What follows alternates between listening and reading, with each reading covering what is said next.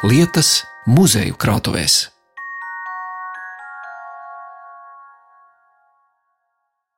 Izglābtie ebreji sveic Žanu Lipki 70. gada dienā. Raksta Žana.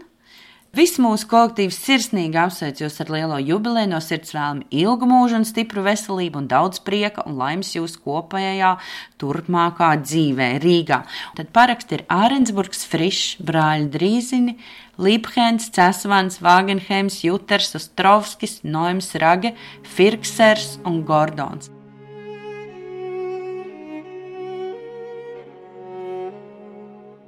Žaņa Lipkes memoriāla direktore Lolita Thompsone rāda vairākas kartītes, gan tepat Rīgā sūtītas, gan no Izraēlas, gan Kanādas. Tās adresētas Žanim Lipkem un viņa ģimenei. Tas ir tik viens neliels gabaliņš no stāstiem par izglābtajiem ebrejiem Otrā pasaules kara laikā. Skaudras, priecīgas un raibas epizodes es iegrāmatoju šajā raidījumā, kur Lipkas memoriāla darbinieces stāstīs par suņu vilnas svīteri un tajā iadītajām rūpēm un mīlestību, un rādīs vēstules, dienas grāmatas un fotogrāfijas, kas bija izglābto ebreju un viņu glābēju ģimeņu dārgumi. Šķiet, šodien vairs nevajag skaidrojumu, kas ir Žānis, īstajā vārdā Jānis Lipke, cilvēks, kurš vienkārši humanisma vadīts, riskējot ar sevi pašu un savu ģimeni otrā pasaules kara laikā savā mājā Ķīpsalā, kur tagad ierīkots piemiņas muzejs, slēpa vai pārvietoja uz citiem slēpņiem ebrejus. Bet Žanis Lipke nebija vienīgais, kas veica šo cēlo misiju. Tādi bija daudzi latvieši. Aizvien vēl nav zināms, cik daudz kara laikā šie glābēji zināja cits par citu, ņemot vērā nedrošo situāciju tolaik. Bija uzmanīgi jāvērtē, kurām var vai nevar uzticēties, tā teica muzeja darbinieces, un tāpēc nereti vien īstā patiesība atklājas tikai pēc daudziem gadiem. Žaņa Lipkas memoriāla pētniece Māja Meijere Oša atver pelēku kladi un stāsta par šoferi Kārli Jankoviču. Un tas ir Žāņa Palīga, Kārļa Jankoviča dienas grāmata, kur viņš lielās dusmās ir sarakstījis krietni pēc kara. 70. gados viņa rokā nonāca grāmata par Žaņa Lipkas varoņdarbiem, bet tur viņa uzvārds bija sajaukts. Un viņš karstās dusmās, kā tā drīkst. Viņš ir apsēdies un pierakstījis, kā tur toreiz viss bija. Tas, kas šeit ir nofiksēts, tas mums pavēr tādu plašāku, labāku izpratni kā Žanis, piemēram, transportēja cilvēkus no Rīgas uz Dobeles pusi, jo Rīgā dažādu apsvērumu dēļ bija sarežģīti, bīstami slēpt tos cilvēkus, sevišķi pēc 43. gada, kad nacisti arī iesauca vietējos iedzīvotājus, karam pievienoties daudzi bēga, bēgļoja, un tad meklējot tos, kas bēg no kara, dažreiz arī atrada paslēptu ebreju, tāpēc tas bija ļoti, ļoti bīstami. Un viņi tad, nu, veseli tāda slepena operācija, kā nevienam nemanot, var cilvēkus izvest no Rīgas. Žānis nopirka vecus miesnieku ratus, kas bija domāti dēsu pārvadāšanai, un pāris desmit rīģipšu plāksnes. Ebreju vešanu varējām realizēt. Ratus iecēlām automašīnā un ratu dibenā ielikām nedaudz siena. Ratu dibenā ieguldījām divus ebrejus - Wagenheim maksi vecāko un vēl vienu neatceros, kā sauca. Tiem virsū uzkrāvām rīģipšu plāksnes, lai nebūtu redzams, kas atrodas ratos un lai tie neslīdētu uz sāniem. Kabīnē blakus sev nosēdināja ebreju drīziņu, uzvilkdams tam mugurā savu kombinzonu. Par cik viņš bija blonds, drīzāk rīžīs, neviens nevarēja pateikt, ka viņš ir ebrejs, un tā mans līdzbraucējs bija kārtībā. Žānis Lipke sēdēja uz kravas, pieskatīt, lai plāksnes neslīd uz sāniem. Izbraucot uz Jālgaujas šoseis, 8. kilometrā mani apturēja. Pārbaudījuši ceļa zīmi, ka brauc uz dobeli, kontrols punkta priekšnieks lika, lai paņemot līdzi desmit cilvēkus, pašaizsardzīvniekus vai šūtsmaņus. Žānis augšā sēdādams tikai sauca, lai tie ātrāk sasēstos uz plāksnēm un stingrāk piespiestu tās. Tā bruņotie vīri uzsēdās virsū saviem ienaidniekiem, nemaz neapzinoties, ka viņi pat palīdz. Caur Jēlgavu tikām bez apstāšanās kontrols punktos. Ko tur kontrolēt, ka tādas pašas formas vīri brauc garām? Pieturot mašīnu kontrols punktā, šuts man izkāpa un pat vēl sirsnīgāk pateicās par atvešanu. Bet par to dienas grāmatu es gribēju pateikt, ka pie mums atnāca Anna Liniņa, ko es, protams, nezināju, kas viņa ir. Viņa atnāca apmeklēt muzeju, un viņa stingri pateica, lūdzu, vediet mani tikai pie tās daļas, kur ir par Žaņa Lipkas palīgiem ka viņi neko citu nestīsies. Un es viņu aizvedu, tepat tās viņa saka, labi, jā, labi, paldies, un lai es viņu atstāju vienu. Un viņi bija ieraudzījuši savu tēva bildi. Jā, mums bija nepareizais uzvārds. Mums bija Jankovskis, un viņš bija Jankovičs.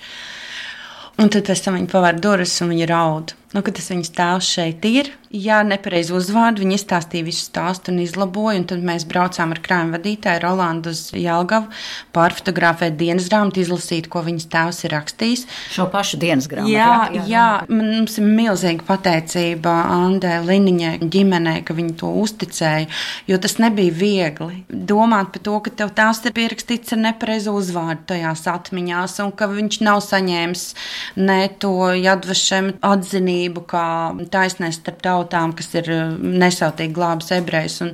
Tur būtu vieta tik lielam rūkumam, bet kā jūs redzat, mājas stāsta, tagad dienas grāmata ir pie mums. Tā par dienas grāmatu teica memoriāla direktore Lorita Thompsone, un vēl jūsu uzmanībai neliels fragments no Kārļa Jankoviča atmiņām par notikumiem.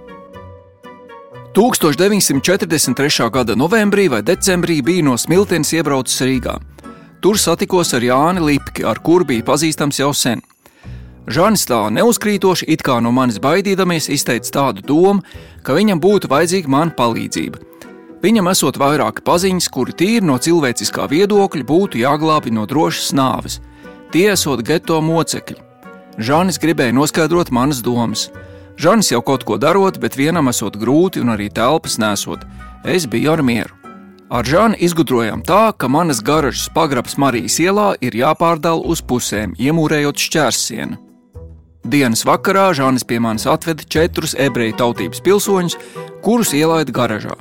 Naktī, kad visur palika kluss un mierīgs, sākām strādāt pie pagraba piebūves.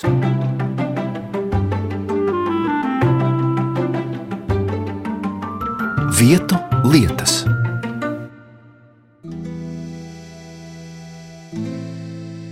Kā raksta holokaustā izdzīvojušais ebreju aktīvists Dāvids Zilbermans, tad iespējams tieši nacistu uzbrukumu pirmajā laikā, redzot sinagogu nodedzināšanu, ebreju iznīcināšanu, vajāšanu un geto izveidošanu, Žānis Lipke nolēma glābt ebrejus. To, cik skarba bija ikdiena geto iemītniekiem, liecina memoriāla krājumā saglabātā kartīte, uz kuras rakstīts latviešu un vācu valodā pārtikas kartīte žīdiem, izlietot no 22. februāra līdz 21. martam 1943. gads. Par to turpina Lorita Thompsone. Te var redzēt, ka viņa nav izmantota. Kas tika izdalīts? Mēnesim tas ir 25 gramu gaļas, siers, kafija, cukurs, maize. Mēnesis. Mēnesis var redzēt, cik patiesībā te ir. Nu, Rekur maize ir eh, vairāks, te ir 400 gramu, 200 gramu vai milti ebrejam izsniedz šādu kartīti. Jā, Viņi gāja, ļoti... un tad vai tur izkniep Acīm redzot, izkniep caurumu, jo rekrutēji divi caurumi ir mm -hmm. izkniepti, bet rakstīts ir, ka tas ir paraugs. Jo acīm redzot, teikt pie tādas kartītes, pirmkārt, ja viņi tiek izmantot, viņas vairs nav. Otrkārt, nu, mēs zinām, ka absolūti lielākā daļa ebreju, tie, kur pēc tam nometnēs, bija nu, reti jau, kurais izdzīvoja. Skatot uz šo kartīti, vai jūs esat atšifrējuši, kas ir, te mēs redzam, ir maize, gaļa, siers, kafija, cukurs, bet parādās viens talons, kur ir rakstīts barības līdzekļi. Nē, es nezinu, kas tas ir. Varbūt kaut kādas pupiņas, grūbas, kaut kas tam līdzīgs. Un te ir kaut četri tie, tā, jā, tās jā. iedaļas, kur vispār nav nekas atzīmēts. Tur ir tikai cipari. Mēs varam spriest, vai es nezinu, kas tur ir ziepes vai pulveris, ko nu to laiku. Jā, bet, nu, es domāju, to vēl bija jādabū noteikti tos eh, pārtiks līdzekļus kara laikā. Es domāju, to kartīt vien nepietika. Tas bija pirms 80 gadiem, nu, nedaudz vairāk. Tieši tā, jā. 1943. gads. Jā. Un mēs runājam Cilvēki vienkārši iedomājieties, mēnesim kafija 125 grami, gaļa 125 grami, cukurs 300 grami. Nav arī teikts, vai vienmēr bija Tieši tā. laiks, un, vai viņiem vispār tos Un tas nozīmē, ka cilvēki, teiksim, Līpkas ģimene un citi ebreju glābēji, kad viņi slēpa ebrejus, viņiem jau nebija šādas kartītes. Tas nozīmē, ka viņiem bija jādabū ēdienas, tepat labi ķīpselā Daugavā ķēra zivis, bija jādabū vai nu melnajā tirgu, vai vienkārši kaut kādi kartupeļi, kas ir izaudzēti. Bija tāpat tās ebreju glābējiem bija nevis tikai viņi tie cilvēki jāizglāb, bet arī jāpabaro, daudz viet jāatrod zāles, un tas, ko arī Līpkas darīja. Kā arī var izlasīt jūsu muzeja internetu mājaslapā to informāciju, ka Lipkas sieva ir turējusi vairāk nekā toreiz bija noteikts vistas un arī paslepus cūkas un, un man liekas, citus sīklopus, ko pati kāvus, lai vienkārši pabarotu šos ebrejus. Mums muzejā ir kartīte, kā Johana parakstīsies, kā viņa nodod pārtikas devas, nu, cik ir paredzēts, un tur viņa stāsta, ka viņai ir uh, piecas vistas, un ka viņai jānodod nedēļas laikā 35 solis. Mums ir pilnīgi skaidrs, ka tie ir meli. Jo intervijā Hercam Frankam Johans saka, ai, tie vācieši bija tādi dūmi, viņi saka, no tiem visu varēja paslēpt. Šak, bet tad atnāca padomju vara, un acīm redzot, visus tos viņas, viņas pīles un zosis, un ko nu viņi tur kaut kur paslēpus bija audzējuši, tos visus jau atklāja.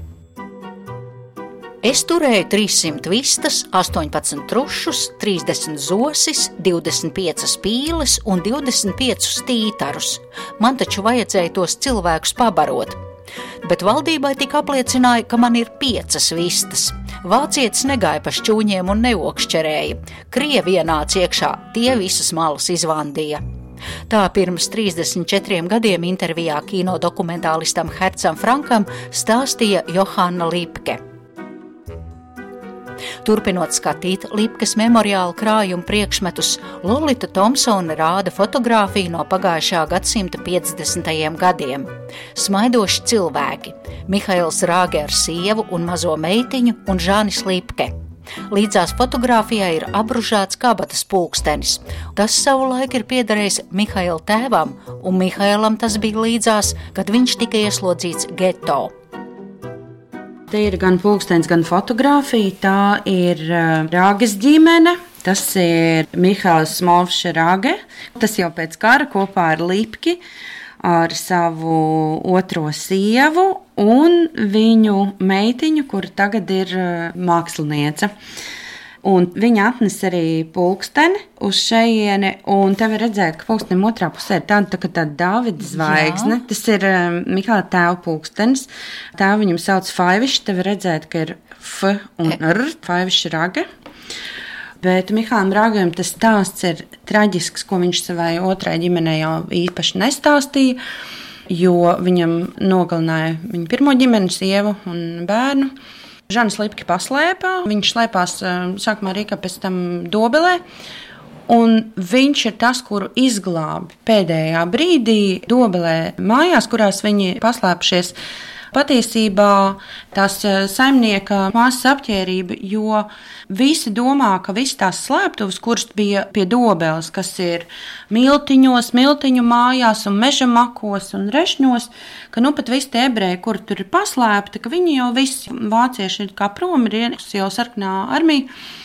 Bet, diemžēl, Frančija līnija jau neiet kā lineāls taisnā rindā. Un uh, viņiem, tiem ebrejiem, kur tur paslēpšies, viņiem ir iznākuši no slēptuvēm ārā, uzskrien virsū vēl Wehrmacht grupa vai SS, tur katrs kaut ko citu raksta, bet skaidrs, ka no Vācijas armijas. 1943. gada 21. decembrī Žanis Lipke ieradās pēc mums. Viņš izlauza sētā dažus dēļus, un pa šo spraugu mēs izlīdām ārā no nometnes un ierāpāmies viņa mašīnā. Divus ebrejus viņš atstāja Rīgā, bet mani aizveda uz laukiem, 5 km attālumā no Dobeles. Tur miltiņos pie kāda zemnieka, Friča Rozentāla, jau slēpās septiņi ebreji, kurus tāpat bija izglābis Žanis Lipke.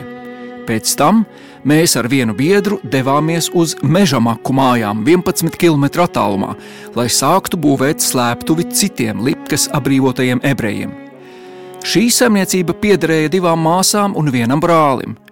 Pateicoties viņu cilvēku mīlestībai, sevišķi Lidijas reitiņas gādībai, Žanim Lipkem izdevās tur iekārtot patvērumu 14 ebrejiem.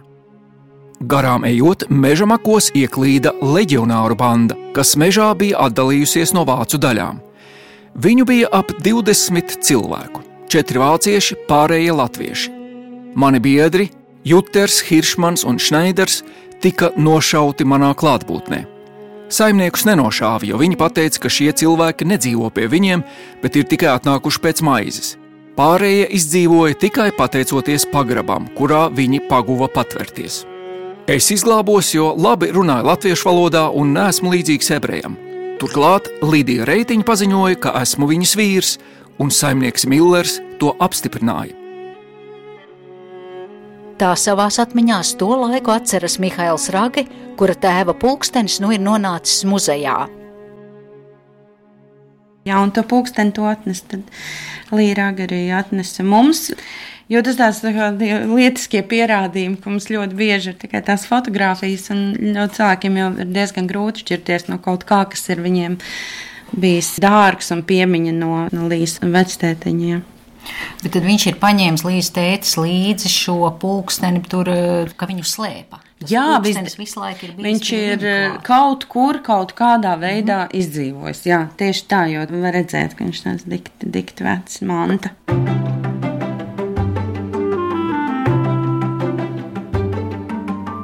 Vietu lietas. Nākamais krājuma priekšmets ir krēmkrāsas rupja adījuma džempers. Var redzēt, ka tas ticis ilgi nesāts un laika gaitā vietums pairis. Šo silto un vienkāršo apģērba gabalu savulaik ir darinājusi Emīlija Ābele, kur ar šo čemperi vārda tiešā un pārnestā nozīmē ir vēlējusies sasildīt savu vīru pēc pārciestajām kara šausmām. Vēl viens cilvēks, kuram ir tas gods ierindoties ebreju glābēju sarakstā. Par to stāsta Māja Meijere Oša. Palīdzēja Emīlija Ābele, un viņa palīdzēja medikamentu sagādi. Un uh, viņa bija Vilija Friša, ebreja kursa biedrene. Tā bija vienīgā informācija, kas man bija. Un pateicoties Rāgas ģimenei, jo Rāga ar uh, Viliju Frišu bija draugi, man izdevās atrast pēdas mūsdienu ģimenei, turpinājumam, Viljam Frišam. Es uzzināju, ka viņa bija nevis vienkārši kaut kāda palīdzīga, kas nesa medikamentus, kad vajag, bet viņa patiesībā bija Vilija Friša sargeņģēlis gan kara laikā. Cik es saprotu, tur arī bija mīlestības stāsts par spītam, ka Emīlija bija precēta. Tā kā līdz galam mēs eh, vēl nezinām to laika līniju, kurā brīdī viņa satiekas, kurā brīdī Vīlis lūdz viņai palīdzību, bet mēs zinām iznākumu, ka Emīlija atrod Žani Lipki. Emīlija sarunā slēptu Vilim, un pateicoties Emīlijas rūpēm, viņš arī paliek dzīves. Pēc kara viņa apprecās, un šeit var redzēt, kāda eleganta dāma viņa bijusi. Un šeit ir tas interesantais stāsts, ka, protams, tas kara laiks ir drausmīgs, bet man vienmēr interesē, kāda bija dzīve pēc tam, kā vispār pēc kaut kā tāda, kur nogalina. Vislabāk to Valentīna Freimana ir pateikusi, ka Atlantīda ir nogrimusi, kā pēc tam dzīvot. Un tad Emīlija kļuva par tādu drošo, drošo tādu pasauli, kur ļoti, ļoti rūpējās par to, lai Vīlis vienmēr ir. Viņam vispār dzīve bez stresa, lai būtu simboliskais džemperis no suņa vilnas. Tas ir tas pats rekukolīs, mums arī bildi ir šim varonim, eh, kurš ir devis savu vilnu. Tā jūs man rādāt, es saprotu, tās ir 50, 50 gadu fotogrāfijas. 50, pēc 50, stilistikas jā. un kā tur tās maliņas robainās ir tiem attēliem. Šis ir pēckara bilde. Jā, Te, tas ir sunīts maziņš. Jā, kolī kucēns, tur paudzies. Un ģimene mums uzdāvināja šo skaisto džemperi kas lieliski simbolizē tās Emīlijas Ābeles rūpes. Viņa katram dzimtas vīrietim tādu ir nodījusi. Tad viņa ir ķemmējusi un ķemmējusi to savu kolīju Larusu. Līdz beigās ir sanācis tāds silts džempers un tāds silts uh, ar lielu rūpību. Tas tiešām ir brīnišķīgs darbs. Un tas raksturo to silto tādu kūniņu, kurā viņa ietina vili. Jo vilim Viņš ikdienā, cik es saprotu, ir varējis saņemties un strādāt, un viņam bija karjera arī pēc kara, bet, piemēram, atlika pie viņa zobārstniecībā ienākt cilvēkam un pateikt, es esmu izdzīvojis holokaustā, ka viņš ir sācis, viņš varēja atdot pēdējo kreklu. Viņš varēja novilkt no sevis uzvalku, viņš varēja atdot visas vērtslietas, kas viņam bija, jo viņš zināja, ko tas nozīmē. Viņš zināja, ar kādu ka tev nekas nav, ka tev dzīve sākas no nulles, ka tu iznāc no tās koncentrācijas nometnes vai no slēptuves. Tiešām tas, kā viņi rūpējās par to vīli, un viņi tiešām dziļi izprata, ko šis cilvēks piedzīvojis. Esmu redzējis interviju arī vēl vienu līdzīgu cilvēku, Izaku Drīzinu, un viņš arī e, glābās pie Žāņa. Arī pēc kara viņš aprec latvieti, un e, tajā intervijā, kas ir 90. gados e, nofilmēta, Viņa stāv viņam blakus, un tie žesti ir ārkārtīgi sargājoši. Un, uh, viņš var izstāstīt visu, pat baisākās lietas, kas karā ir noticis ar viņu, ir diezgan nu, savaldīgi. Un tad, kad nonāk pie Žāņa labsirdības, viņš izplūst asarās. Un tā arī vēl viena tāda lieta, ka šie cilvēki ir gatavi, tāda liela, varbūt aizsarga siena viņiem ir pret vardarbību un pret naidu. Viņi saprot, ka tā bija, bet viņus absolūti atbruņo ārkārtīgi labsirdība. Un Žanis tiešām tāds arī bija. Žanim Viņš arī ir īpašs ar to, ka, ka mums nav nekādu stāstu par to, ka viņš būtu iedzīvojies no citu cilvēku nelaimes. Viss, kas viņam tika uzticēts, piemēram, karam sākoties, to viņš visu arī ir devis. Mums ir stāsts, kā viņš visu gadus ir glabājis mēbeles, piemēram, kas īstenībā pieder draugam ebrejam. Mums ir stāsti, ka Žanis satiekot eh, cilvēku koncentrācijas nometnē, sarunājot par beigšanas laiku, iedot kādu zelta lietu, piemēram, sērkociņu kastītē un saka, to tev māma atstāja. Es domāju, tur nekādas mammas nebija. Tas vienkārši bija tāds leģenda, lai tam cilvēkam ir vieglāk pieņemt to, to žestu, labsirdības žestu. Un tu varēsi ar to uzpirkt sargus, piemēram. Ja? Tā kā Žanis noteikti nepalika bagāts, viņš tiešām to darīja aiz tādas kaut kāda augstāka misija viņam bija. Un, jā, un tas tiešām atbruņo, tāpēc es saprotu tās asaras pieaugušiem vīriešiem stāstot par to, kā viņi satiek savu glābēju. Pēc šī raidījuma Māja Meijere Oša man atsūta vienu piemēru no daudzajām sarakstēm, kādas notika starp Žani Lipki un izglābtajiem ebrejiem. Kā man raksta Māja, tad saglabāju oriģinālo valodu ar visām kļūdām. Tās ir īpaši mīļas, jo Latvijā dzimis ebrejs no Toronto raksta latviski, lai gan pēdējo reizi šo valodu ir dzirdējis pirms gandrīz desmit gadiem. 1983. gadā Jēkabs Vagenheims raksta Žanim. Sveiki, Žanis, Johana un jūsu bērni! Es atrodos pašlaik Toronto pie manas meitas. Es būšu šeit trīs mēneši. Pirms izbraukšanas no mājas es biju Jeruzālēmē, kur es satikos ar Rahlinu, un mēs aizbraucām nofotografēties pie tavu koku, kas priekš mums dzīves simbols taviem darbiem glābjot cilvēkus no simtprocenta nāvi nacistu laikā. Ar to arī izskan šis raidījums. Tajā par Otrā pasaules kara laikā izglābtajiem ebrejiem un viņu glābējiem stāstīja Žaņa Lipkas memoriāla direktore Lolita Thompsone un pētniece Maija Meijere Oša. Raidījumā izmantoti fragmenti no grāmatas Cilvēku glābējs Žanis Lipke un atmiņas par minētajiem notikumiem lasīja Girts Bišs. Raidījumu veidoja Zane Lāce Baltāksne.